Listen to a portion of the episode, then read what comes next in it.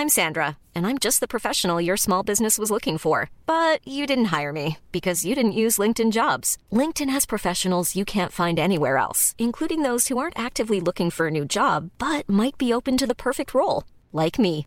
In a given month, over 70% of LinkedIn users don't visit other leading job sites. So if you're not looking on LinkedIn, you'll miss out on great candidates like Sandra. Start hiring professionals like a professional. Post your free job on linkedin.com/people today. Hey, it's Ryan Reynolds, and I'm here with Keith, co star of my upcoming film, If, only in theaters, May 17th. Do you want to tell people the big news? All right, I'll do it. Sign up now and you'll get unlimited for $15 a month in six months of Paramount Plus Essential Plan on us. Mintmobile.com slash switch. Upfront payment of $45 equivalent to $15 per month. Unlimited over 40 gigabytes per month. Face lower speeds. Videos at 480p. Active Mint customers by 531.24 get six months of Paramount Plus Essential Plan. Auto renews after six months. Offer ends May 31st, 2024. Separate Paramount Plus registration required. Terms and conditions apply if rated PG. Burrow's furniture is built for the way you live. From ensuring easy assembly and disassembly to honoring highly requested new colors for their award-winning seating, they always have their customers in mind. Their modular seating is made out of durable materials to last and grow with you. And with Burrow, you always get fast, free shipping. Get up to 60% off during Burrow's Memorial Day sale at burrow.com slash ACAST. That's burrow.com slash ACAST. burrow.com slash ACAST. Helt siden de første menneskene slo seg ned i Trøndelag, har det blitt observert underlige lys over Hessdalen. Fenomenet har blitt forsøkt bortforklart som syner sett av bygdetullinger og deliriske hallusinasjoner forårsaket av den lokale drikkekulturen. Men det skulle vise seg at fenomenet stakk langt dypere, når Hessdalen-fenomenet fikk verdensomspennende oppmerksomhet i ufo-miljøet på 1980-tallet. Fenomenet er fremdeles der, og det er fremdeles like uforklarlig som den gang. I 2024 kommer en podkastserie i seks deler, produsert av Project Hessdalen, som kanskje en gang for alle skal finne svar på hva som rører seg på himmelen i denne bortgjemte dalen i Trøndelag. Serien har som seg hør og bør fått tittelen A Blaze in the Northern Sky, og den kommer til din favorittpodkastavspiller i 2024.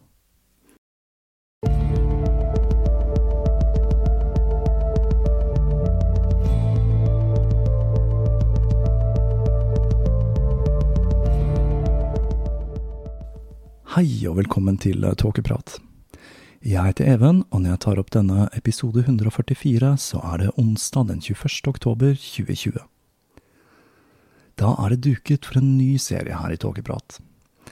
Jeg var litt usikker på om jeg skulle gå for en enkeltstående episode, eller begi meg i kast med en ny serie etter å ha avsluttet Mastodontserien om Lene Riffensdal. Men jeg klarte ikke å styre meg, og valgte å begi meg i kast med enda et tema jeg har snust litt på i sommer. Men så det er sagt, dette blir ikke en serie med samme omfang som Leni-serien. Det skal jo litt til, for å si det forsiktig. Det er noen temaer som går igjen i tipsene jeg får inn til tåkeprat. Og temaet jeg skal begynne på nå, er et jeg har fått både fra dere lyttere og på fuktige kvelder der jeg er blitt fortalt i store ordelag om Roman Nikolai Maximilian von Ungarn Sternberg. En russisk adelsmann som på kort tid gikk fra å være adelsmann til å bli khan, selve krigsguden reinkarnert. Nå skal vi inn på et tema som berører svært mange av historiene vi har vært borti tidligere her i Tåkeprat. Fra Helena Blavatsky og Gurdjieff til Savitri Devi og ikke minst Rasputin. For selv om det var mange brutale russiske ledere i perioden vi nå skal dykke ned i, både i Den røde og Den hvite armé, så var det ingen andre enn Ungarn som utførte massakrer i navnet til Buddha. Historien om Ungarn Sternberg er en som gjerne kunne vært lagt til 1100-tallet. Den er som et ekko av historien om Djengis Khan, nesten som et levende kulturelt minne om den brutale flodbølgen som skyllet over verden og truet med å sluke Europa. Dette er også en historie om en ekstremt fæl fyr, med få positive egenskaper. Og i denne historien går det atter en gang hardt utover jødene, i tillegg til bolsjevikene og kinesere. Vi kan si at denne historien på mange måter er en slags forløper til det som skjedde under andre verdenskrig. Mange av dere stusser sikkert litt når dere hører om vold utført i buddhismens navn. Her i Vesten forbinder vi som regel buddhisme med en religion uten guder, og i Vesten så er jo det stort sett riktig. Men det gjelder ikke denne formen for buddhisme vi skal se på her, nemlig mongolsk buddhisme. Denne grenen av buddhisme har sine røtter i tibetansk eller tantrisk buddhisme. Selv om denne er basert på mahayana-buddhisme, så fokuserer tibetansk buddhisme på magi, hemmelig lære, ånder, demoner og opphøyde læremestere. Hovedkilden jeg har valgt å benytte meg av til denne serien, er The Bloody White Baron av James Palmer fra 2008. En bok som for meg virker temmelig solid, med gode kildehenvisninger. I denne serien vil vi også komme ut for en del språk som er ukjent for meg. Ja, jeg vet det. Min mongolske uttale den er grusom, og jeg tror ikke russisken min er stort bedre. Men de av dere som er bevandret i disse språkene, får trøste dere med at jeg i det minste, minste skal forsøke å være konsekvent i mine feil, slik at det blir en sammenheng i fortellingen. Jeg vet at det må være minst én lytter der ute med inngående kjennskap til mongolsk, så jeg tenkte det var best å advare om dette på forhånd. Her kommer vi også til å dykke ned i en del av historien jeg selv ikke er så kjent med fra før. Jeg kommer til å styre mest mulig unna politikken i denne serien, for å fokusere på livet til Ungarn. Men noen deler av historien er nødvendig å ta med for å kunne danne et bakteppe som gir en forståelse av hvorfor ting utspilte seg på den måten de gjorde. Og da er det duket for et dypdykk i en forholdsvis ukjent og blodig del av vår historiske arv. Jeg gir dere Den hvite baron.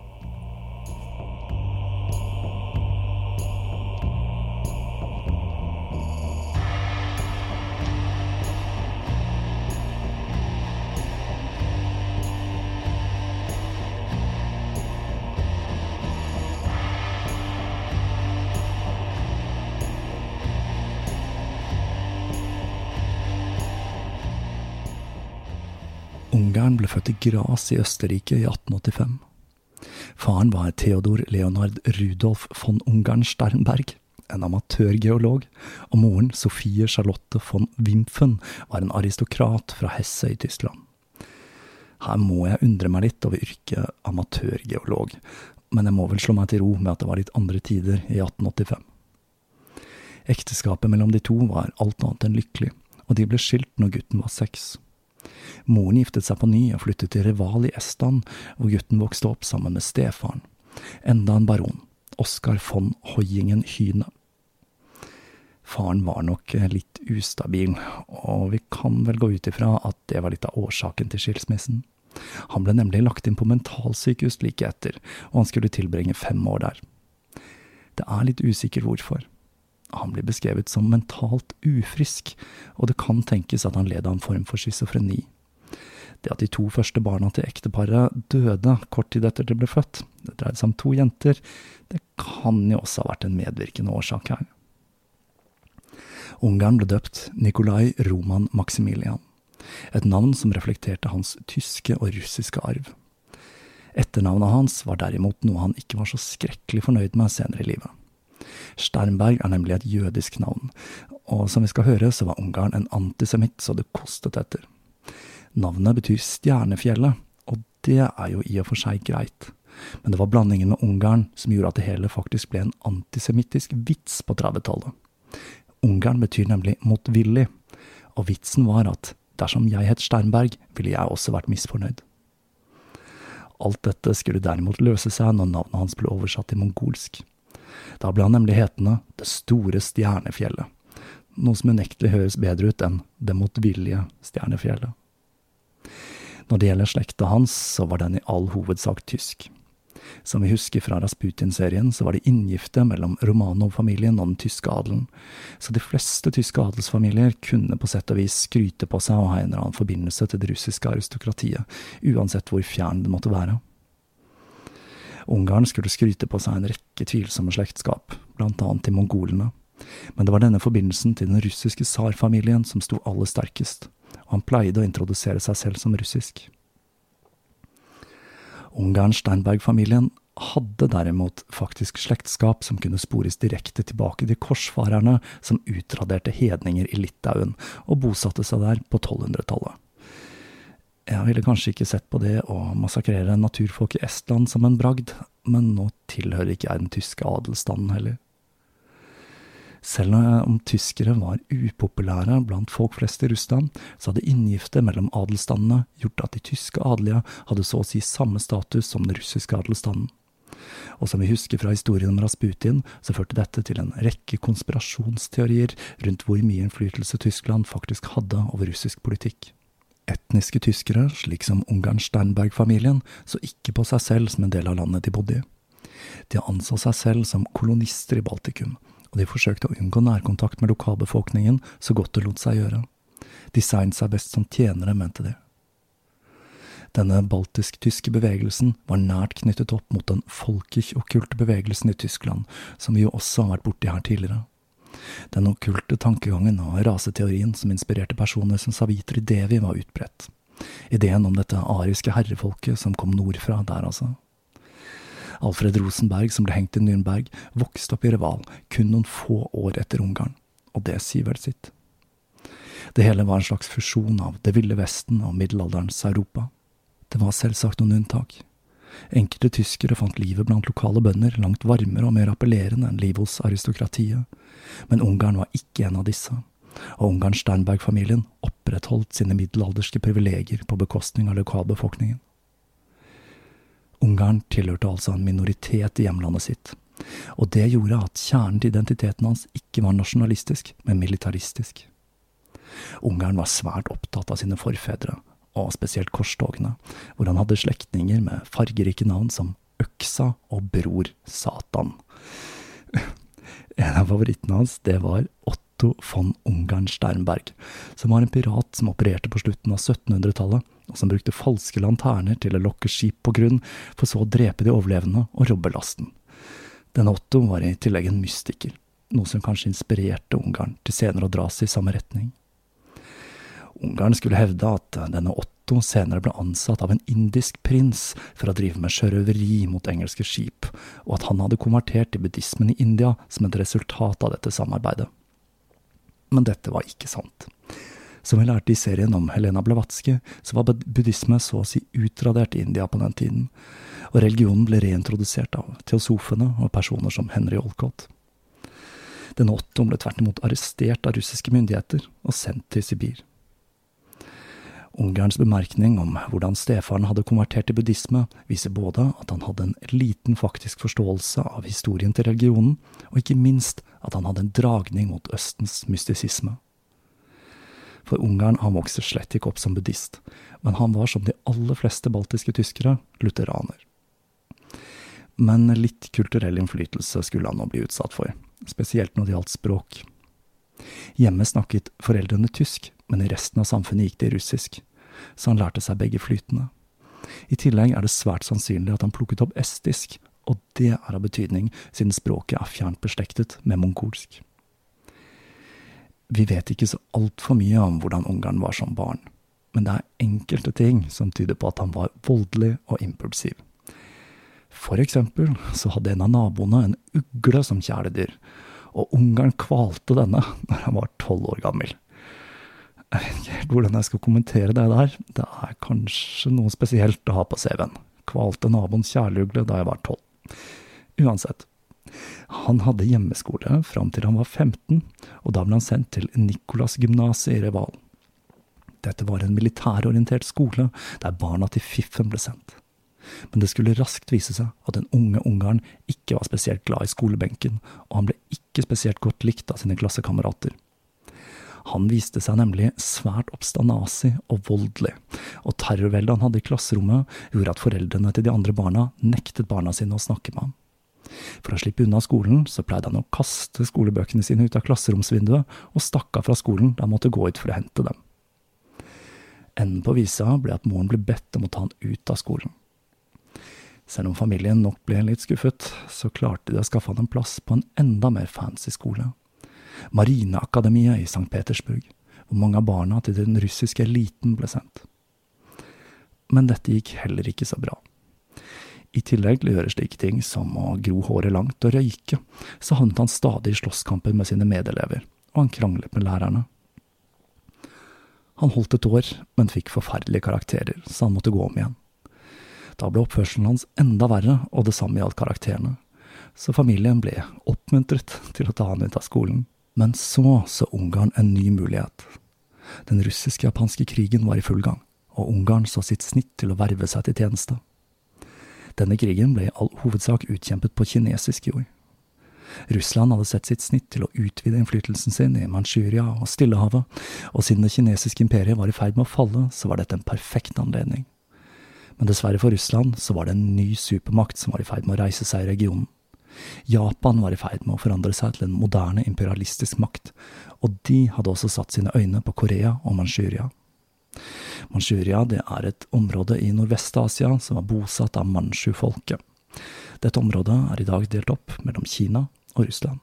Det hele hadde startet med en rekke småkonflikter og Russlands annektering av den japanske marinebasen Tsushima i 1861. Etter årevis med knuffing ble det erklært krig i 1904. For den russiske hæren var Japans forsøk på å etablere kolonier en del av den gule faren, et begrep først brukt av keiser Wilhelm 2., og det lå derfor en dypere ideologisk grunn bak, i tillegg til ønsket om å etablere kolonier.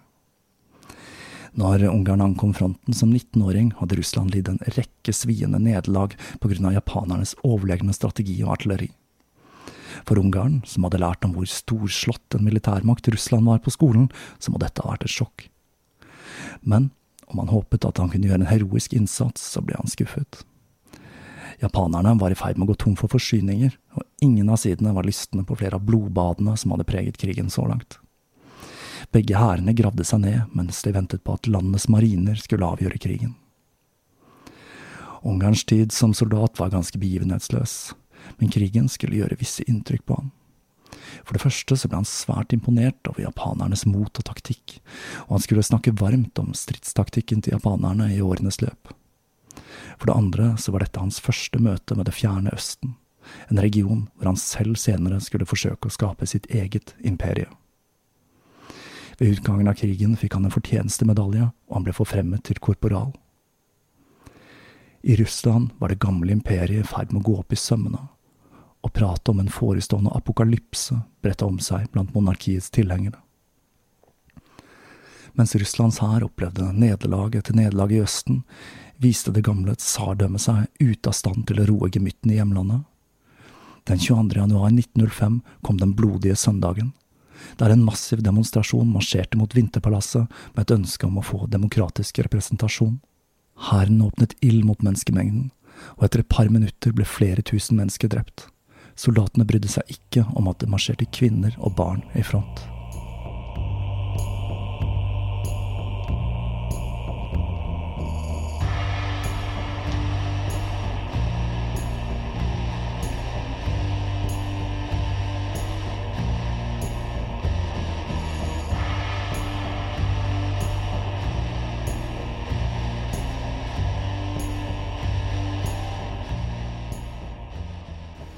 Løpet av de minuttene ble troen på tsaren knust blant folk flest, og opprøret spredte seg gjennom Russland. På bygda ble adelsstandens herregård brent, og i byene begynte det å danne seg fagforeninger som krevde at arbeidere skulle ha rettigheter. For Ungarn var dette et sammenbrudd av den naturlige orden. Slik som Hildegard von Bingen så så han på samfunnets inndeling i klasser som en slags naturlov og han omtalte opprørerne som skitne arbeidere som aldri har hatt egne tjenere, men fremdeles tror de kan styre samfunnet. I tillegg så var det et raseelement i Ungarns syn på saken. Slaviske folk var undermennesker, og i den egenskap så hadde de ekstra lett for å la seg manipulere av jødene. I Ungarns hjemland Estland var det også uroligheter, men dette skyldtes ikke sosialisme, men nasjonalisme. Estlendere hadde i praksis de samme rettighetene som tyskere, og de var lei av å bli styrt av en liten utenlandsk elite. Russland forsøkte å bøte på dette med å sette inn russere til å styre framfor tyskere.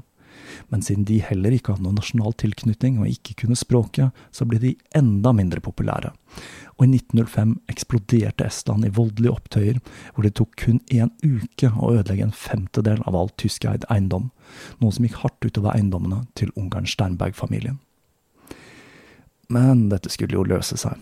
Russland sendte inn 20 000 soldater som gjeninnsatte de tyske makthaverne. 300 estere ble skutt, 300 dømt til døden, og tusenvis ble sendt til straffarbeid i Sibir.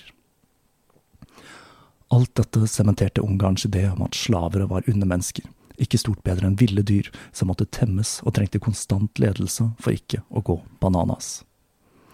Monarkiet var selve ledestjernen i kampen mot kreftene som forsøkte å skape kaos i den naturlige orden. Og det var ikke disse uintelligente bøndene som sto bak den gryende revolusjonen, det var de intellektuelle, og ikke minst jødene. Det er vel ingen overraskelse at det går hardt utover jødene i denne serien. Stakkars folk, altså.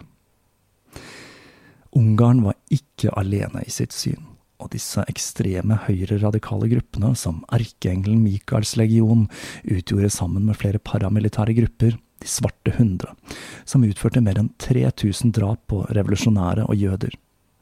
Det var også på denne tiden den berømte forfalskningen Sion Vises protokoller dukket opp, hvor man kunne lese at jødene sto bak en verdensomspennende konspirasjon, og alt dette førte til at høyrefløyen lente seg mer og mer mot total jødeutryddelse. Men til tross for at det vred seg i magen til Ungarn når oktobermanifestet ble lansert og den russiske grunnloven ble endret slik at man fikk litt grann borgerrettigheter, så var det lite han kunne gjøre. Og når han kom tilbake i Russland i 1906, så ble han innrullert ved Pavlovskoa-akademiet, og han skiftet karriere fra marinen til hæren, noe som hadde en langt sterkere appell for ham. Det var spesielt kavaleriet han fant tiltrekkende. Det virket som han, til tross for at han aldri gjorde mer enn middels bra, fant roen ved dette akademiet. Han følte nok at han var mer egnet til en blodig nærkamp ansikt til ansikt enn avstandskampen og matematikken som var involvert i sjøslag. Mens han studerte ved Pavlovskoa, begynte også hans gryende interesse for mystisisme, okkultisme og buddhisme.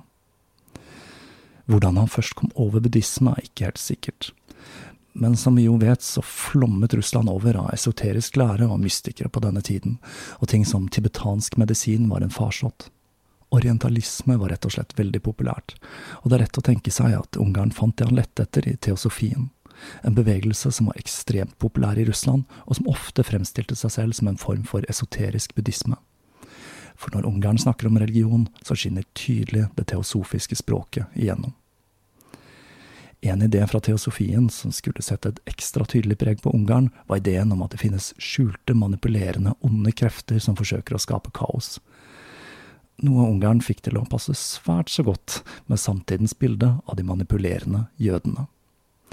Sammen med frykten for jødene var frykten for den gule fare spesielt sterk. Ungarn leste tyske tenkere som skrev om hvordan befolkningsvekst i Asia og innvandring til Vesten kunne være med å utradere europeisk kultur. I tillegg så var det en del mystikk knyttet til Østen, og fantasien om den orientalske superskurken Fu Manchu skulle senere spille på nettopp denne ideen om den gule fare. I april 1895 skrev keiser Wilhelm til tsar Nikolas for å advare han mot nettopp denne gule faren.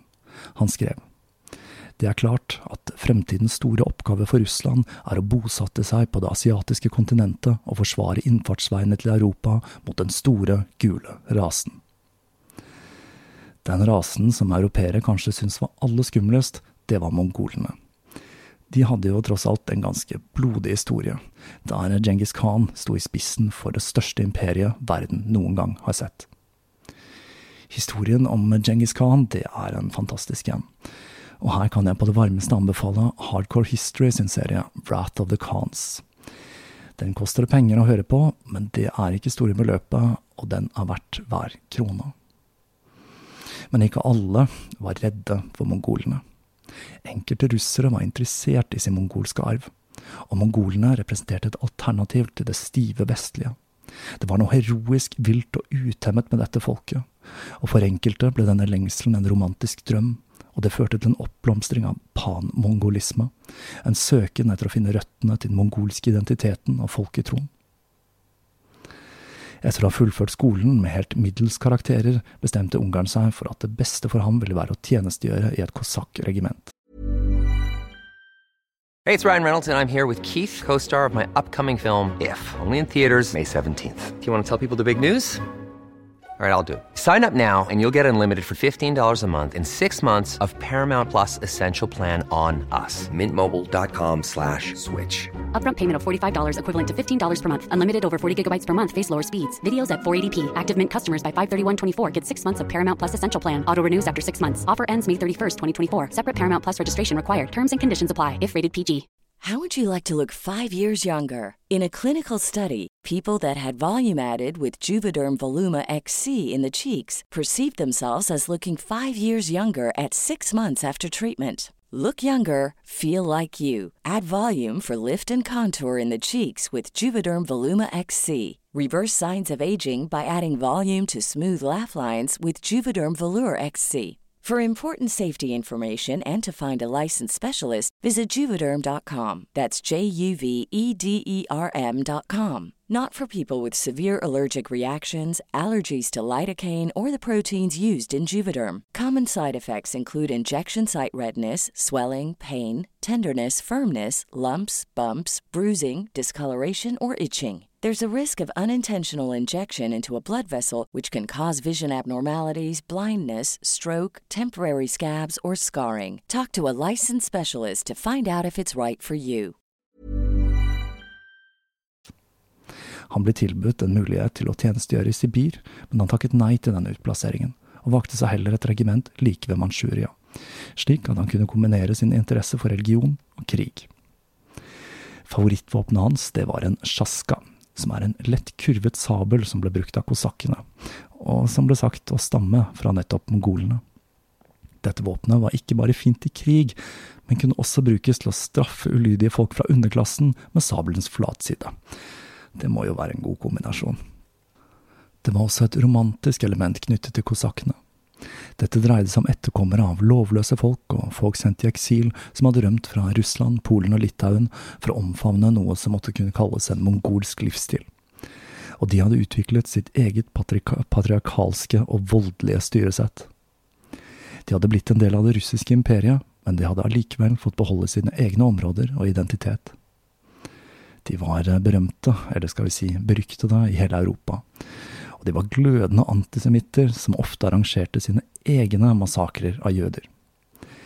De var også ansett for å være feige, og de drev aller helst med plyndring og geriljakrig, og foretrakk å spidde bønder og massakrere jøder framfor direkte krigføring. Dette skulle selvsagt også gjøre et sterkt inntrykk på Ungarn. Ungarns nye regiment, det transbaikalske regiment, var et av de minste med 250 000 soldater, og det var også det nyeste og ble etablert så sent som i 1858. 12% av regimentet bestod dessuten av buriat-mongoler, som hadde med seg sin buddhistiske tro og tradisjoner fra hjemlandet. For å støtte opp om disse soldatene bidro Zain økonomisk til de buriatiske buddhistene, noe som førte til at det ble knyttet sterkere bånd mellom Russland og Mongolia. Ungarn likte seg umiddelbart blant kosakkene, og spesielt blant burjatene. Han fant levesettet deres appellerende og rent, i skarp kontrast til den vestlige kulturen. Siden han allerede var en dyktig lingvist, skulle han også raskt få et grep om språket deres. Fra den utstasjoneringen skulle Ungarn tilbringe resten av livet i det russiske imperiets utkant, og det var denne verden som skulle definere Russland for ham. Han ble stasjonert ut i en gudsforlatt liten landsby, Dauria, som kun var der på grunn av grensen og toglinjen til Manchuria.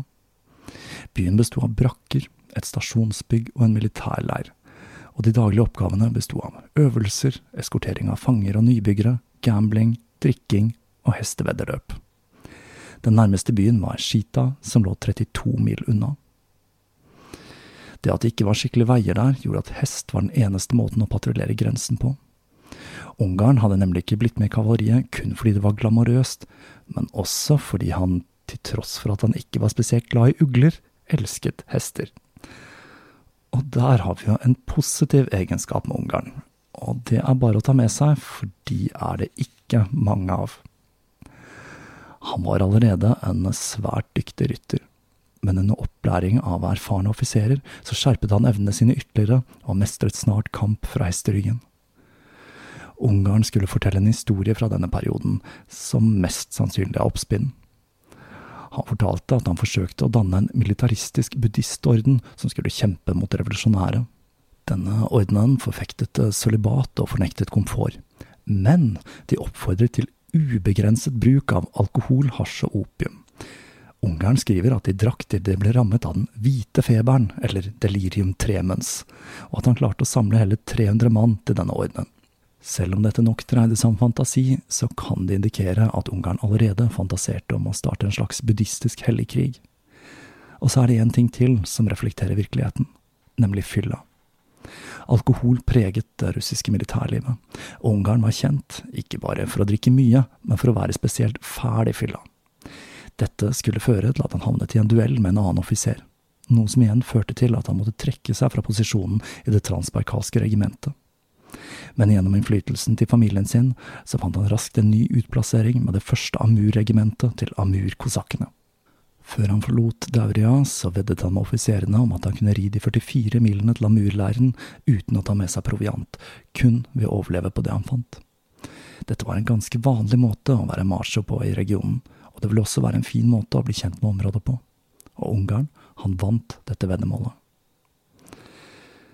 Denne utplasseringen var enda mer øde enn den han hadde hatt i Dauria, og den lå nære den kinesiske grensen, slik at kamper med kinesiske banditter var en dagligdags affære. Hva det innebar å være en kinesisk banditt i dette tilfellet, det er jeg jaggu ikke helt sikker på. Ungarn ble utstasjonert til en maskingeværdivisjon, og han ledet patruljer langs grensen. Men han hadde ikke endret seg siden oppholdet i Dauria. Han fortsatte å drikke, krangle, slåss og duellere. I en duell fikk han et stort arr i pannen fra en sabelsvingende motstander, et arr han skulle kjennetegnes ved resten av livet. Han var generelt ufyselig mot sivilister også. På et tidspunkt så kastet han en kjøpmann ut av et vindu fordi han var frekk nok til å gi han regning på varene han hadde kjøpt. Det var ikke det at det å banke noen tjenere og utfordre en og annen til duell var så uvanlig, det kunne til og med være akseptabelt, men Ungarn han strakk strikken langt. Han ble stupfull og gjorde ting som å skyte blink på tilfeldige gjester som var så uheldige å besøke samme kron som han selv. Den russiske hæren hadde en lang og fin tradisjon med institusjonalisert vold, og vold mot rekrutter det var vanlig. Vi kan derfor gå ut ifra at det vi vet om Ungarns utagerende voldelige atferd, ikke dekker hva han gjorde ovenfor hva han anså for å være undermennesker, vil si alle som ikke var adelige. Igjen så måtte han trekke seg fra regimentet av fyll og slagsmål, og han sendte et brev til St. Petersburg den 4. juli 1913 og ba om å bli trukket fra aktiv tjeneste og overført til reservestyrkene.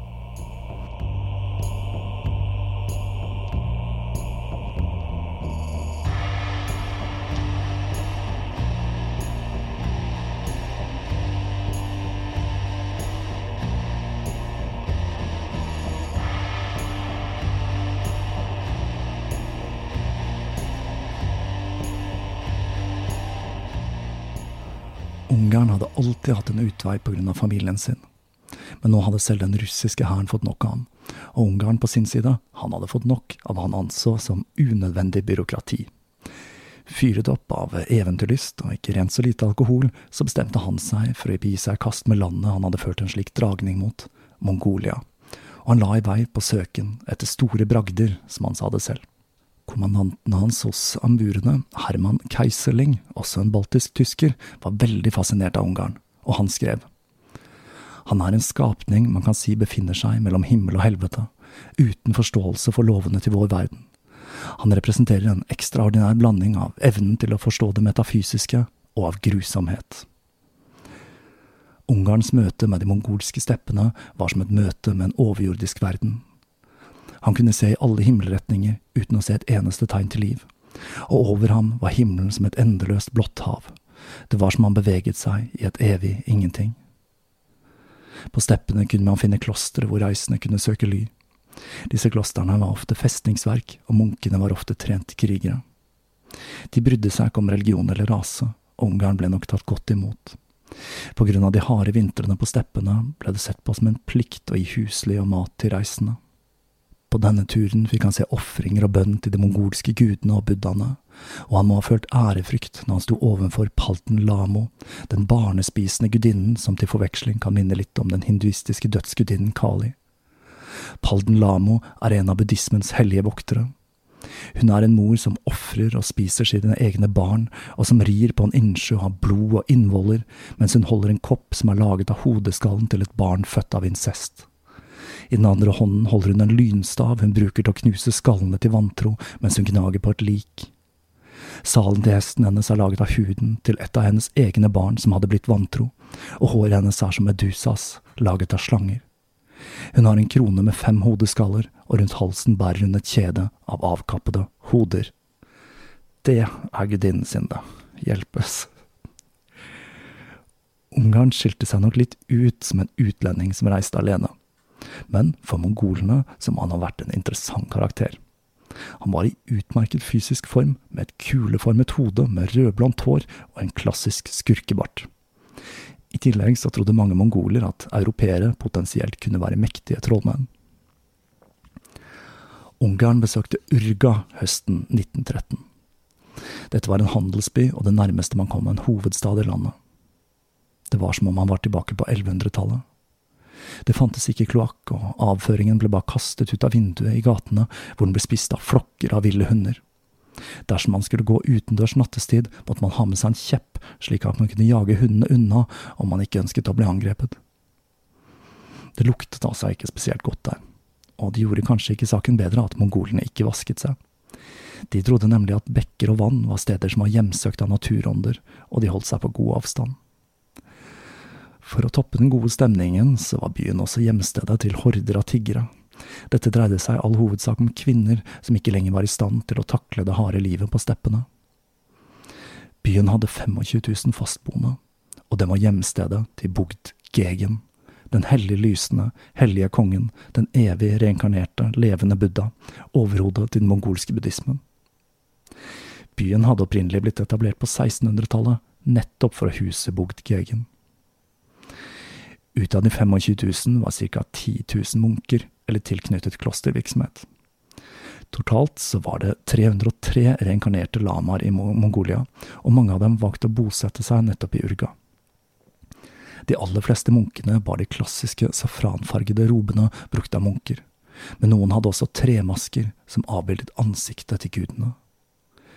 Gudene selv var avbildet i de utallige templene, som regel i krigerske positurer, men enkelte ganger også i spenstige erotiske posisjoner, noe som sjokkerte vestlige besøkende.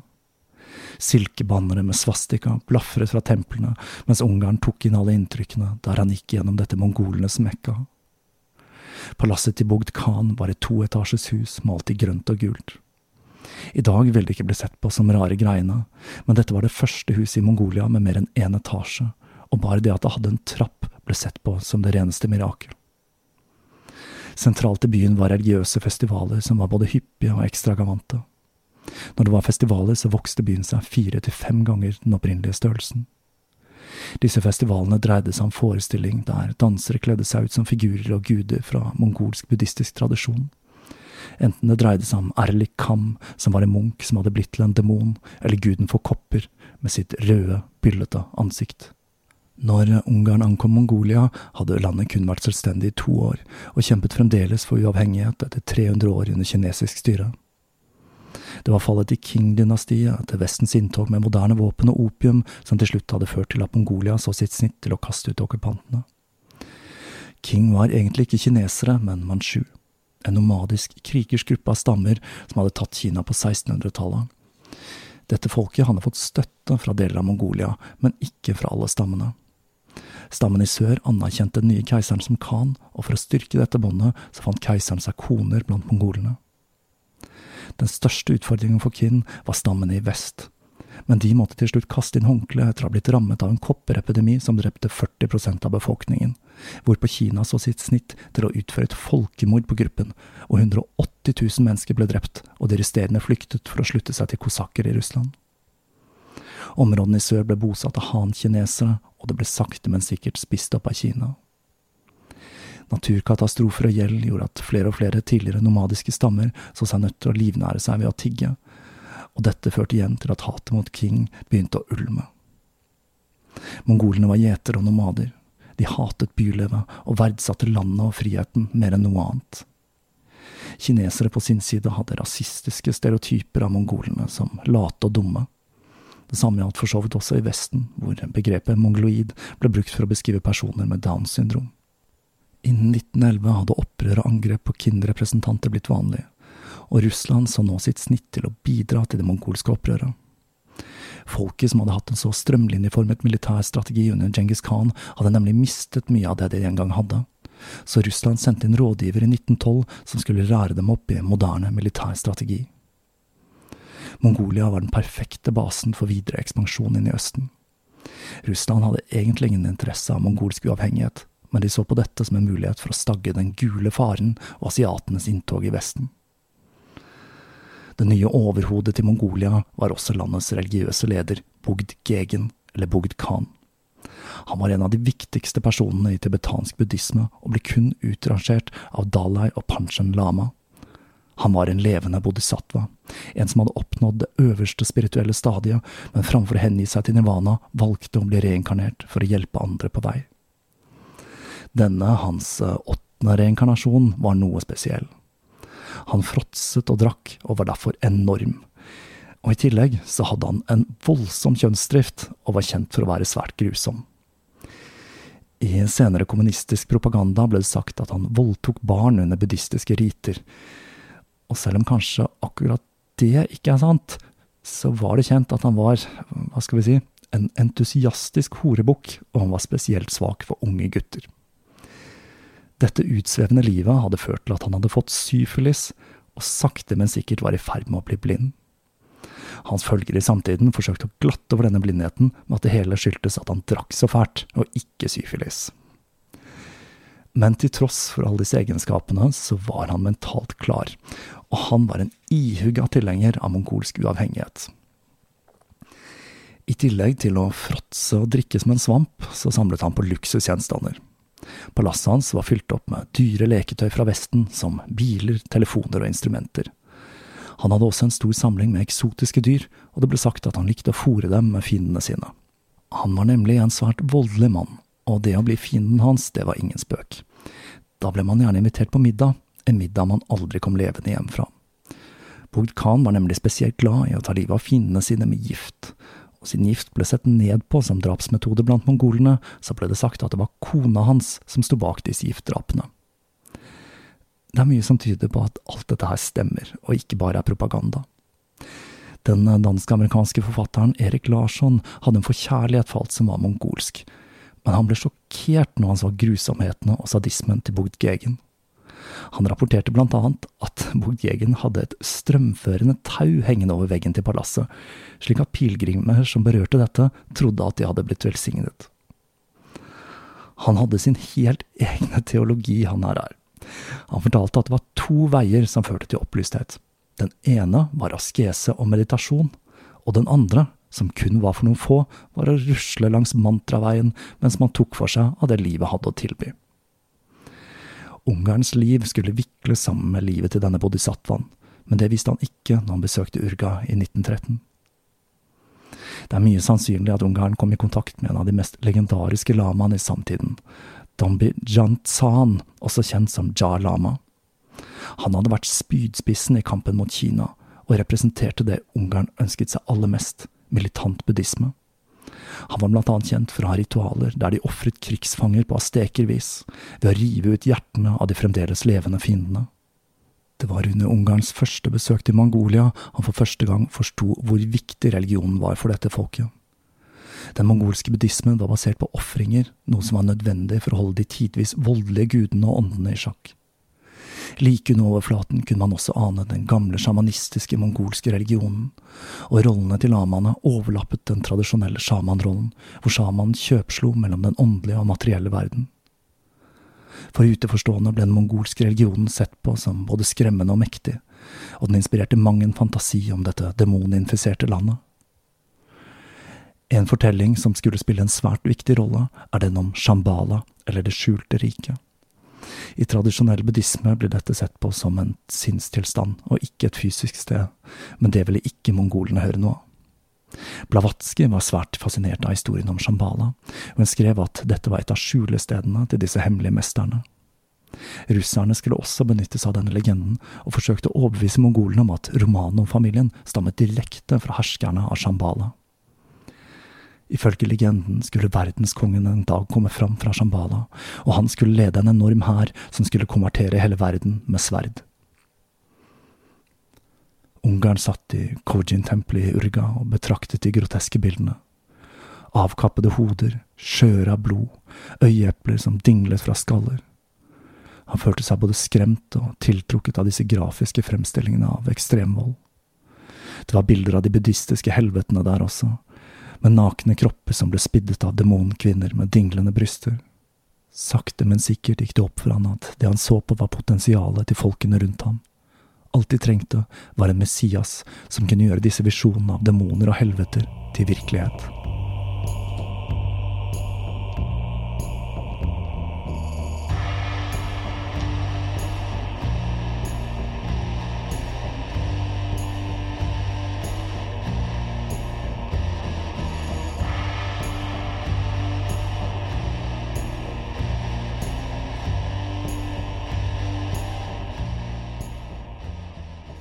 Og det var slutten på den første delen i serien om Den hvite baron.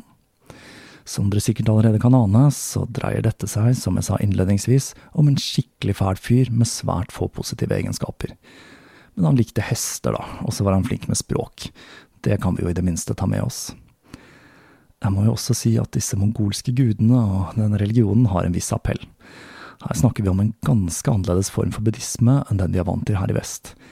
Jeg tror ikke mindfulness sto øverst på timeplanen der, for å si det sånn. Siden sist har jeg fått en ny forsyning med Moleskin-bøker, og disse er nå tilgjengelige i nettbutikken. Det er utrolig kult å se hvor populære disse bøkene har blitt, og jeg kan nok ikke si annet enn at jeg selv er utrolig fornøyd med disse, og at jeg føler at jeg har fått meg den perfekte notatboka. For de av dere som er interessert i klistremerker, er det kanskje også verdt å merke seg at bøkene blir levert med et sett klistremerker i den indre lommen. Vi står overfor en mildt sagt spennende høst. 2020 fornekter seg ikke. Selv så følger jeg det amerikanske presidentvalget med argusøyne, og jeg er utrolig spent på å se hva som skjer med samfunnet på den andre siden av dammen når alle stemmene er talt opp, uavhengig av resultat. På det private plan så planlegger jeg å flytte på meg, denne gangen tilbake til min hjemby Oslo. Men det fordrer jo at jeg må snuse på nye jobber, og det å søke jobber, det er jo nærmest en jobb i seg selv, så det går litt slag i slag her om dagen. Det er fristende å klage litt her over hvor lei jeg er av jobbsøking, men jeg skal spare dere for den tiraden. Kanskje jeg skal gjøre som faren til Ungarn og satse på en karriere som amatørgeolog. Det høres jo slett ikke så verst ut. Men podkast, det blir det uansett. Helt til slutt så vil jeg takke alle dere som er blitt patrions, alle som har donert, og alle som har handlet i nettbutikken. Det kommer stadig til noen nye patrions, og det er utrolig hyggelig å se at arbeidet jeg legger i denne podkasten blir satt pris på, og dette er en motivasjonsfaktor for meg som viser at det er mulig å drive en podkast som er gratis for de aller fleste, med en liten, hard kjerne av dedikerte lyttere som er villige til å bidra for å slippe å bli dynget ned i reklame. Så med det så begir jeg meg i kast med den neste delen i denne serien, som jeg håper vil være ute i tide til halloween. Da gjenstår det bare å si på gjenhør.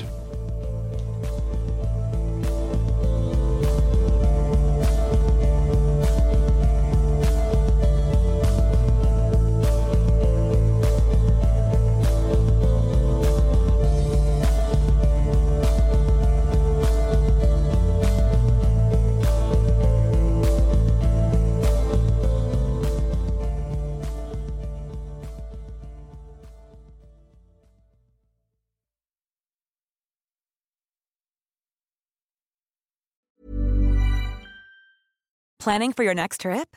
Elevate your travel style with Quince. Quince has all the jet setting essentials you'll want for your next getaway, like European linen, premium luggage options, buttery soft Italian leather bags, and so much more. And is all priced at 50 to 80% less than similar brands. Plus, Quince only works with factories that use safe and ethical manufacturing practices. Pack your bags with high-quality essentials you'll be wearing for vacations to come with Quince. Go to quince.com slash pack for free shipping and 365-day returns.